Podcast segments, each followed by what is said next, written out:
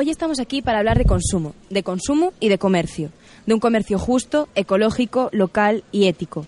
Queremos hacer que quien nos escuche reflexione sobre su alimentación y difundir el mensaje de las asociaciones que en la ciudad de Santiago de Compostela apuestan por otro modo de vida.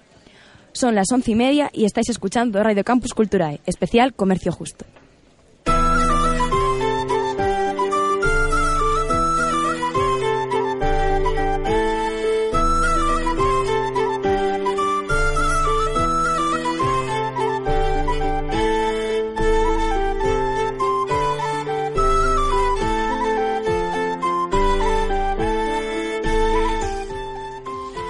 Esta mañana, parte del equipo del Observatorio Ciudadano de Comunicación nos encontramos en el mercado de abastos de Santiago de Compostela para intentar dar voz a alguna de las organizaciones ecológicas y de comercio justo de la ciudad.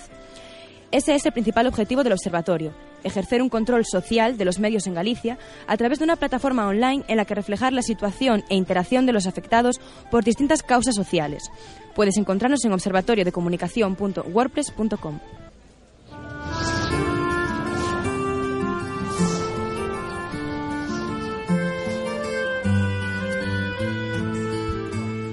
El comercio justo es un sistema comercial solidario y alternativo al convencional que persigue el desarrollo de los pueblos y la lucha contra la pobreza. Se distingue principalmente por apostar por unas condiciones laborales y unos salarios adecuados que permitan a los productores vivir con dignidad. El absoluto rechazo a la explotación laboral infantil, así como la desigualdad entre hombres y mujeres, es otra de sus características.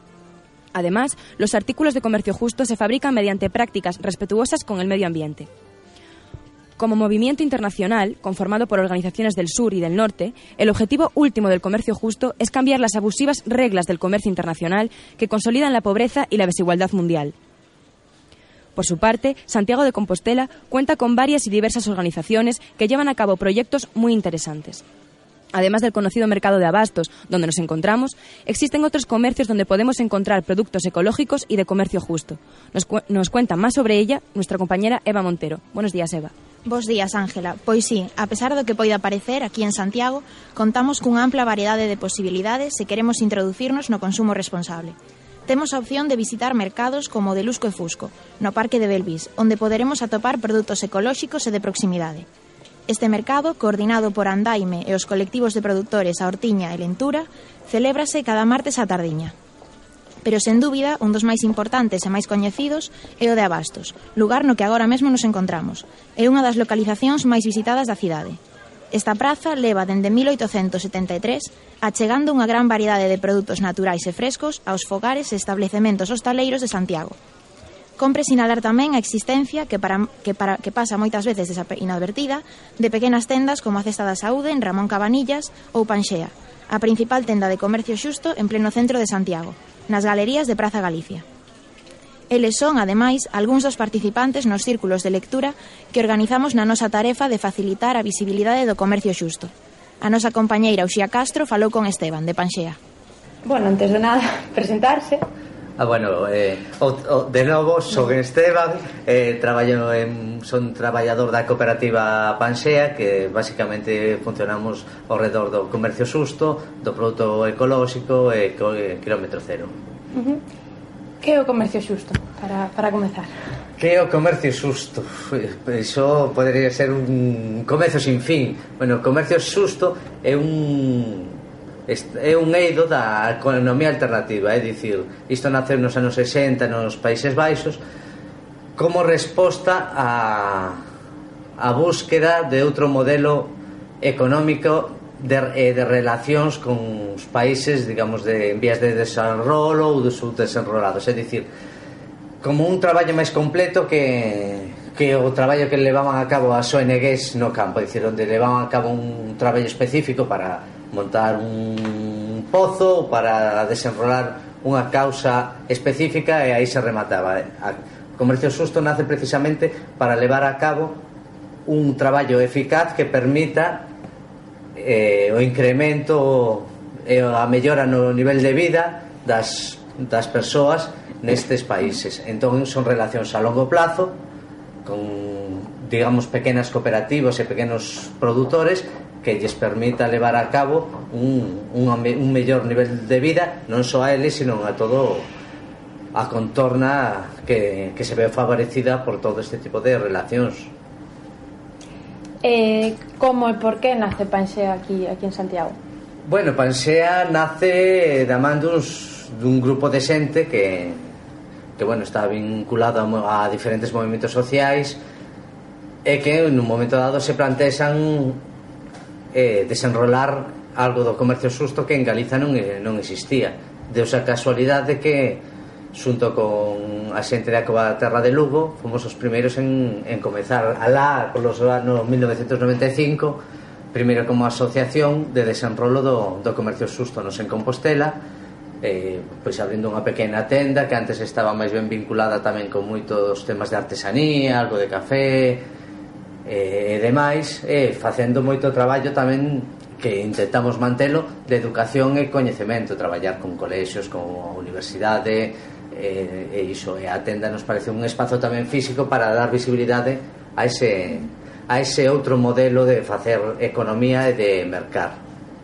Dis que comezastes con artesanía, pero agora maioritariamente polo que veixo tedes alimentación, sobre todo. Sí, hai algo de artesanía, pero de nosa parte de artesanía sí que a temos menos desenrolada, é dicir, hai, hai outros lugares onde podes atopar máis as artesanía, pois a, como a Compañía de María de Solidaridade Internacional teñen un, un traballo moito máis desenrolado, máis centrado en partes de, de artesanía, pois nos estamos eh, en este caso estamos un pouco máis centrados en, en temas de, de alimentación porque tamén desenrolamos a outra faceta que é como cooperativa de consumo, que traballamos directamente con o agricultor, entón dándolle importancia moito a, ao produto local, a traballar directamente co agricultor, eliminar intermediarios, entón tamén iso tamén nos levou a desenrolar esa, esa faceta de, de alimentación.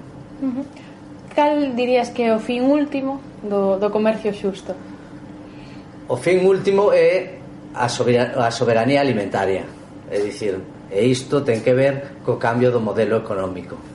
Por iso, moitas veces, eh, anteriormente falábamos eh, en, en facer hincapé en onde compramos e por que compramos comercio xusto ou onde compramos e por que compramos eh, produto ecolóxico.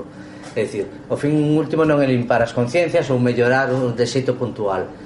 O comercio xusto nace e a súa fin último precisamente cambiar un modelo económico que nos leva cara onde estamos. É dicir, a unha sobreexplotación do planeta a unha contaminación superada a niveis de pobreza, de pobreza que cada día aumentan e xa non o vemos só no terceiro mundo que antes non quedaba moi lonxe, dicir, hoxe en día se está desenrolando en Europa e nos nosos países o estamos vendo co tema da crise e demais. Entón, este modelo económico ao longo da historia demostrou que non é eficaz para tallar os problemas serios e nos plantexamos que un xeito de operar non baseados no, no curto plazo e na ganancia rápida sino nunhas relacións comerciais e persoais a longo plazo de confianza e de igualdade van a, van a mellorar o fin toda, toda a humanidade E como podemos nós, a cidadanía, dicir realmente con estas pequenas acción, accións entendemos de mercar, comercio xusto, podemos rematar con esa con esa economía ou está en mans de xente máis arriba? Bueno, todo ten que ver, é dicir, todo, todo é un círculo, non só a través do consumo de comercio susto, pero nós como consumidores é moi importante recoñecer e recoñecer o que facemos mal e intentar ir cambiando paulatinamente. Ten que ver tamén con como consumimos, ten que ver coa idea que temos sempre de crecemento. É dicir, que parece que isto se basa nun crecemento, nun consumismo. É dicir, hai que empezar a frear todo todo ese tipo de pensamento dominante, dicir, non hai que consumir máis do necesario, non hai que seguir consumindo nin producindo a eses niveis que non fan falta, senón que nos crean unha necesidade que realmente non existe. Entón temos que ser conscientes, que é o principal, conscientes de todo, como consumidores, pero tamén como persoas. É dicir, non, non só por comprar café de comercio susto vayamos a cambiar o mundo, pero se si nos vamos cambiando intrínsecamente, sí. despois vamos a exixirlle ao goberno que modifique sí. os seus actos. Entón, a partir de aí poden cambiar, é dicir, un goberno ao final actúa polo que o seu, os seus cidadáns exixen. Se nós non lle exiximos algo, non o van a levar a cabo por eles mesmos. E hoxe en día hai un exemplo, é dicir, os en día sale máis barato vender produtos que veñan da, da explotación infantil, que veñan da contaminación dos medios, porque teñen unha serie de beneficios, polo tanto, os beneficios fiscais desas grandes empresas e os beneficios que, le, que lles van a reportar ir contra os principios que denominamos do ser humano dalle unhas, uns beneficios maiores. En cambio, quen quere levar a cabo un, unha produción cumplendo os principios éticos, ese produto vai a salir máis caro. O mellor tamén temos que exixir aos gobernos que penalicen de xeito fiscal iso, é dicir, polo tanto, a quen opera de xeito que, co que non estamos de acordo, no momento en que chega ese produto aquí, que teremos que meter unhas cargas impositivas tales que ese produto salga máis caro. E, eh, bueno, por último, e non menos importante, cales son as demandas que lles facedes aos medios que, bueno, para mellorar a visión que se ten do comercio xusto? Bueno, esta é unha luita sin cuartel, porque ao final os medios de comunicación hoxe en día están dentro deste modelo económico, o cal está dentro, é dicir, están en máis privadas que defenden o mesmo sistema económico. O primeiro que exixiría serían uns medios de comunicación libres, donos de si sí mesmos, e non en máis de multinacionais ou de conglomerados. Entón eu creo que a partir de aí podería haber unha modificación total eu creo que hai que empezar a atacar non o comercio xusto en xeral, sino os problemas que realmente nos, nos afectan sí. dun xeito total. Non, non contar pinceladas e parece que, que todo vai ben e que os problemas son puntuais, pero os problemas non son puntuais, os problemas están no xeito en que hoxendía nos relacionamos económicamente. Entón, se non modificamos iso, nada se vai a poder modificar. Entón, eu o que prediría sería basicamente iso, un, uns medios de comunicación uh -huh. libres para poder contar o que realmente pasa. Pois pues iso todo. Moitas gracias. Gracias a vos polo vosso traballo. Muchas gracias, Eva, por presentar las muchas posibilidades que tenemos aquí en Santiago de mejorar nuestra alimentación y nuestras pautas de consumo. No podemos olvidar que comprar es también una acción política y que la forma en que consumimos no solo nos define a nosotros mismos, sino que tiene repercusiones en la vida de los otros. Escuchamos una pequeñita canción sobre el trato que reciben los campesinos y productores por parte de las grandes corporaciones.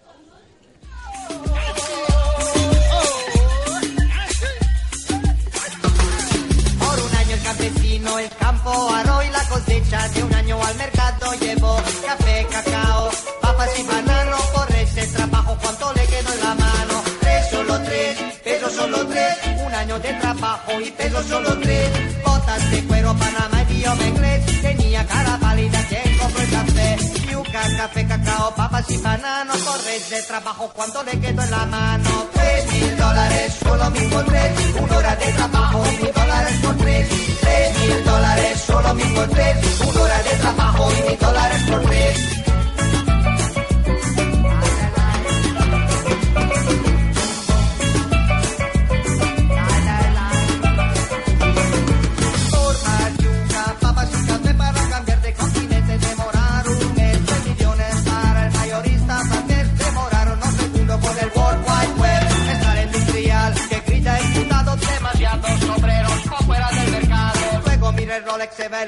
Mansión, se le hizo tarde al hombre, al hombre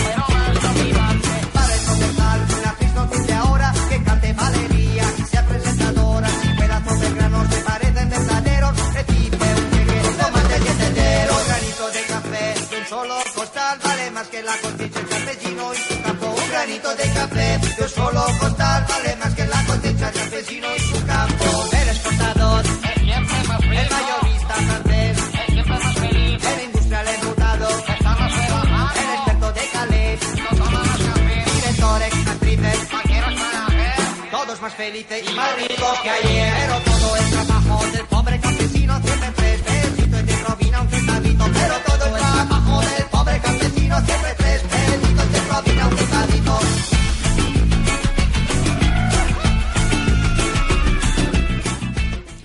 Injusto, abusivo, denigrante.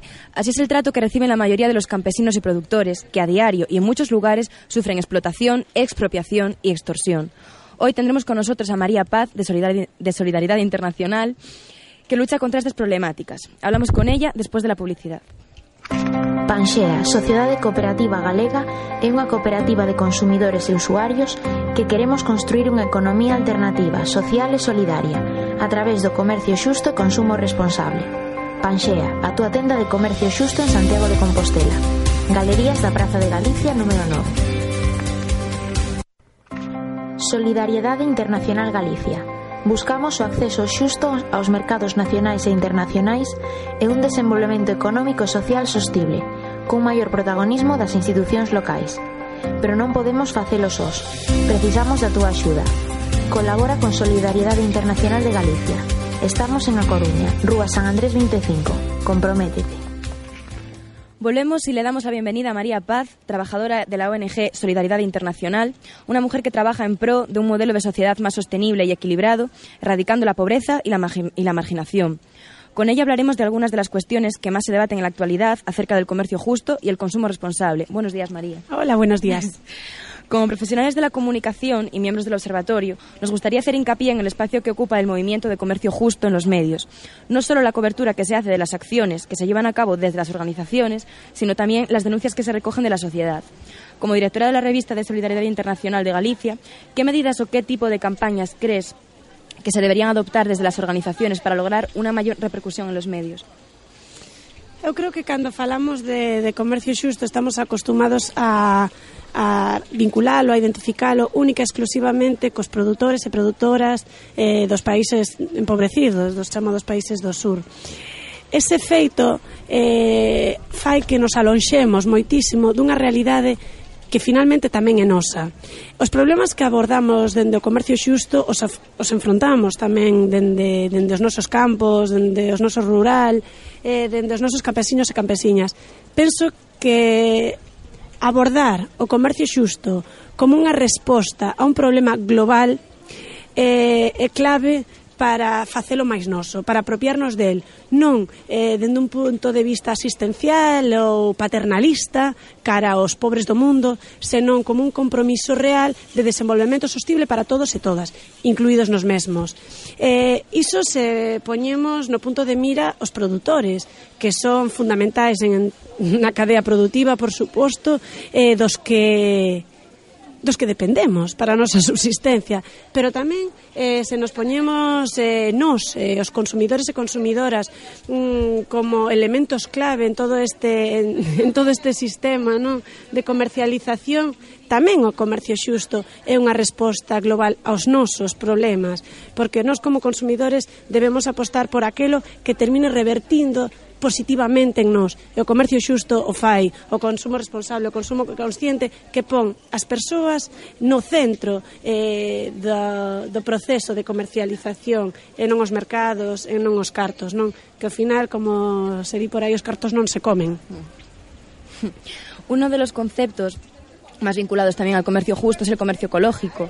Por ello, hemos hablado también con José Manuel Durán, propietario de, de, Cesta da Saúde y presidente de la Asociación de Productores Ecológicos de Galicia. Eh, ¿Qué relación existe entre ambos tipos de comercio? ¿Cabe la, ¿Cabe la posibilidad de uno sin el otro? Escuchamos primero a José Manuel Durán sobre esto, luego nos contestas. un alimento ecolóxico e te- leva consigo eh, moitas cousas, non? Leva consigo eh, ten varios componentes non é só o alimento en sí, nin como se fixo senón que no fixo e onde se fixo para nós ese sería digamos o alimento ecolóxico ideal e digamos o que defendemos non? que despois que digamos as necesidades do, do comercio se obriguen a mellor a vender ou para un consumidor ter que comprar produtos de máis lonxe digamos que vai perdendo ese carácter ecolóxico porque xa só o propio transporte xa implica un coste medioambiental, non? Dinos María. Me preguntaba se poden convivir ou se son indisolubles, non? O comercio mm. xusto e o, e a produción ou a comercialización do ecolóxico. A miña pregunta, te devolvo unha, unha pregunta. É posible unha xustiza que non sexa medioambiental? O comercio xusto é, sen dúbida, ou así o intentamos, é, é xusto social e económicamente pero se non o é medioambientalmente non ten ningún senso, porque ao final do que estamos a falar todo o tempo é de desenvolvemento sostible, é dun desenvolvemento que satisfaga as nosas necesidades dende a dignidade que todos merecemos, pero sobre todo que satisfaga as necesidades das xeracións vindeiras, dos meus fillos, dos meus netos e netas. Eh, polo tanto, non existe eh, xustiza, non existe comercio xusto se esa xustiza non é tamén medioambiental. Uh -huh. eh, respecto a la interpretación más pura, por decirlo de, de alguna manera, del concepto de, de, comercio justo, te presentamos una afirmación. El comercio justo se limita a países del sur, principalmente Latinoamérica y África. No se le puede aplicar esta denominación a productos gallegos ya me contestaste antes, pero bueno, que opinión tiene Solidaridade, Solidaridade Internacional al respecto? Eh, non, a verdade é que é moi interesante a pregunta E sí que é verdade que nós, por exemplo, dentro da nosa organización, sí que facemos fincapé en que cando falamos de comercio eh, xusto, non olvidemos, non esquezamos nunca eh, a súa orixe, que está no recoñecemento dos dereitos das persoas do sur, dos países empobrecidos, da parte desa parte do mundo que saiu perxudicada do noso modelo económico. Entón, aínda que é verdade que o comercio xusto é extrapolable a calquera tipo de comercio, eh, eu, mm, me gustaría que nunca deixáramos de ter en conta e que nunca deixara de ser prioritario cando abordamos o comercio xusto esa relación tan desigual que se establece entre países ricos e países pobres. O comercio xusto non só é unha maneira de consumir, o comercio xusto denuncia, reivindica un modelo eh, económico global diferente, no que eh, os intercambios comerciais que se establecen entre países do norte e países do sur señan equilibrados. E, polo tanto, obviamente, un produto galego é xusto se no seu proceso de produción e de comercialización respeta todos os principios e criterios que establece o comercio xusto, pero non olvidemos que o comercio xusto eh, é tamén unha marca, por dicirlo de unha maneira, que fai eh, énfase especialmente naqueles produtores que dende unha situación de desventaxa non teñen as posibilidades de desenvolverse como poderíamos ter nós, non? En una de nuestras encuestas a pie de calle, muchas personas aseguraban no consumir productos ecológicos debido a su elevado precio. Y lo mismo ocurre un poco con el comercio justo. Entonces, ¿realmente es caro consumir de una manera consciente y responsable? Es, eh, escuchamos también antes a, a Durán, nos contesta sobre... Os precios hai que ter en conta varias cousas. Ten, ten varios custes. Eh, digamos, o PVP, o precio do dentro público, ten, eh, digamos, moitas caras. si solo vamos ao que é o precio en sí, se non lle sumamos cal é o custe social, o custe planeta, o custe que supón para o planeta, eh, pode parecer que, que é caro, pero non, non é caro. Bueno, e depois está o, o custe eh, de saúde, incluso. Si tuviéramos en conta todo eso, nunca diríamos que un produto é caro. Mira, hai pouquiño tempo eu asistí a un curso destes de empresa onde se formaba os futuros economistas galegos e galegas, non? E o profesor preguntaba cal é o prezo real dun produto, cal é o mellor prezo que un produto pode ter? E a súa resposta foi é aquel que o consumidor estea disposto a pagar. Quero dicir con isto, que quero pagar eu? quero pagar a dignidade das persoas, quero pa pagar un futuro millor para todos e todas, quero apostar por un modelo económico distinto. Ese é o prezo que eu como consumidor e consumidora quero e estou disposta a pagar. É máis caro. Depende quen o pague, porque o que non pago eu por un paquete de cacao que non sexa xusto, o está a pagar outra persoa probablemente un neno, unha nena en Ghana. Eh, facer o recurso dos nenos e das nenas é moi sinxelo, que parece moi lacrimóxeno, pero é certo. Eh, os campos onde se produce cacao, ese doce que tanto aprezan os nosos pequechos, sigue a ser eh, traballado por moitos nenos e nenas en países como Ghana e Costa de Marfil. Se non o pago eu, o pagarán eles. Y otra de las cuestiones que está íntimamente ligada al consumo responsable es la alimentación saludable. Estamos aquí en el mercado rodeado de, tantos alimentos. Eh, en cuanto a, la- a las medidas tomadas desde las administraciones y, desde los gobiernos, ¿crees que es eficaz eh, aplicar, por ejemplo, impuestos sobre la comida más perjudicial para la salud? Eu creo que calquera medida que mellore a saúde de todos nós seguramente seña positiva.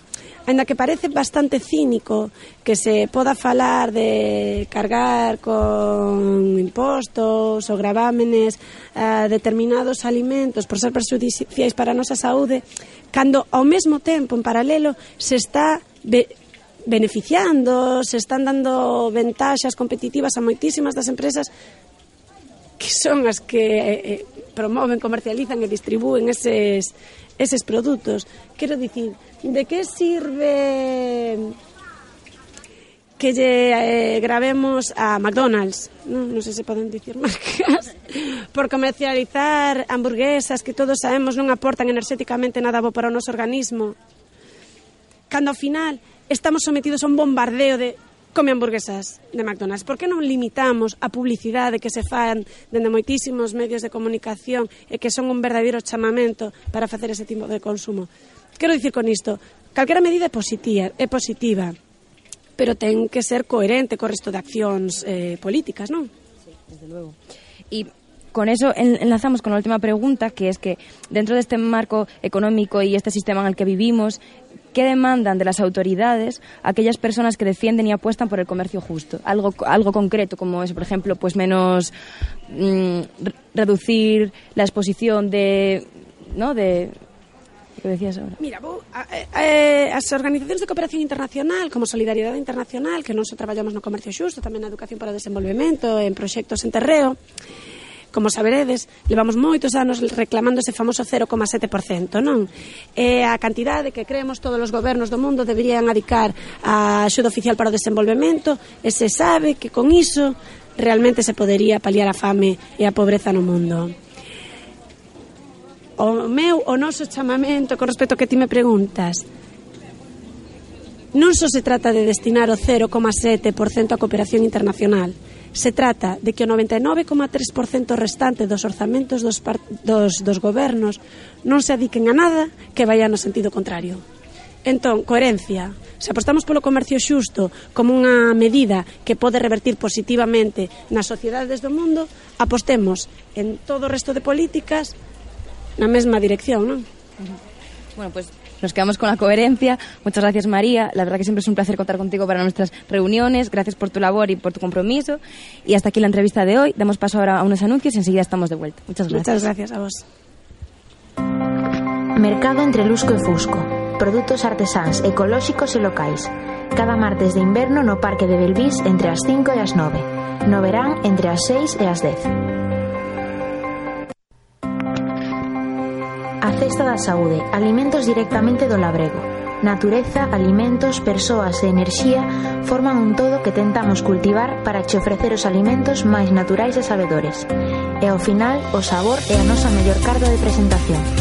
Podes atoparnos en Ramón Cabanillas de Santiago de Compostela volvemos con una de las secciones más esperadas. Si a pesar de escuchar a los expertos todavía no tienes claro qué se debe hacer para comenzar a cambiar el modo de producir o el modo de comprar, mis compañeras te traen una serie de consejos para aprender a consumir de un modo más consciente y sostenible. Uxía y Eva, ¿por dónde empezamos? Merca produtos de comercio xusto. Contribúes de forma directa a que os produtores poidan vivir dignamente do seu traballo e mellorar as condicións sociais das súas comunidades. Cada vez máis podes atopalos en herbolarios, tendas de alimentos ecolóxicos e pequenos establecementos. Difunde o comercio xusto. Entre a túa familia, amizades, na túa asociación, no teu traballo, se tes un blog ou unha web. As redes sociais son outra excelente vía de difusión. Faite voluntario ou voluntaria. As tendas de comercio xusto funcionan grazas á colaboración de persoas voluntarias. Busca o espazo que se adapta ás túas inquietudes e disponibilidade e participa. Apoia campañas. Requiren implicación de cidadanía para darles a coñecer e sustentar as súas peticións. Asociate a algunha organización. A colaboración económica é fundamental. Ademais, contribúes a que a base social que apoia o movimento sexa cada vez maior e a súa voz teña máis peso ao contar con un maior respaldo social. Vende artigos de comercio xusto na túa tenda ou establecemento de hostelería. Para iso, só tes que poñerte en contacto coas organizacións importadoras que son quen distribúen os produtos. Se traballas na administración, impulsa a inclusión de criterios éticos nas súas compras e contratos. A Praza de Abastos, unha das cinco máis importantes de España e segundo monumento máis visitado da cidade de Santiago despois da catedral. É un lugar capaz de despertar a maxia dos cinco sentidos a través da súa ampla oferta de produtos frescos e artesanais. Experiencia, cultura e gastronomía enmarcados nun entorno arquitectónico, histórico e único. A través deles faremos te chegar o mellor do mercado de Santiago de Compostela. Para terminar este especial, nos gustaría compartir con nuestros oyentes la canción del chocolate, para que nunca olvidemos de dónde provienen aquellas cosas que comemos y utilizamos cada día. Pero antes os dejamos con una reflexión anónima. Cuando compras algo hecho a mano, estás comprando mucho más que un objeto. Estás comprando horas de experimentos y fracasos. Estás comprando días, semanas y meses de trabajo. No compras una cosa, estás comprando un momento de la vida de otra persona. Muchas gracias por escuchar Campus Culturae. Podéis seguir nuestras publicaciones a través de la página web del Observatorio y las principales redes sociales. Nos vemos en los mercados. Muy buenos días. 1, 2, 3. C'est la chanson des petits garçons en chocolat. Il est sympa et tout à fait intelligent. Il joue le foot et reste relax. On l'appelle le Max.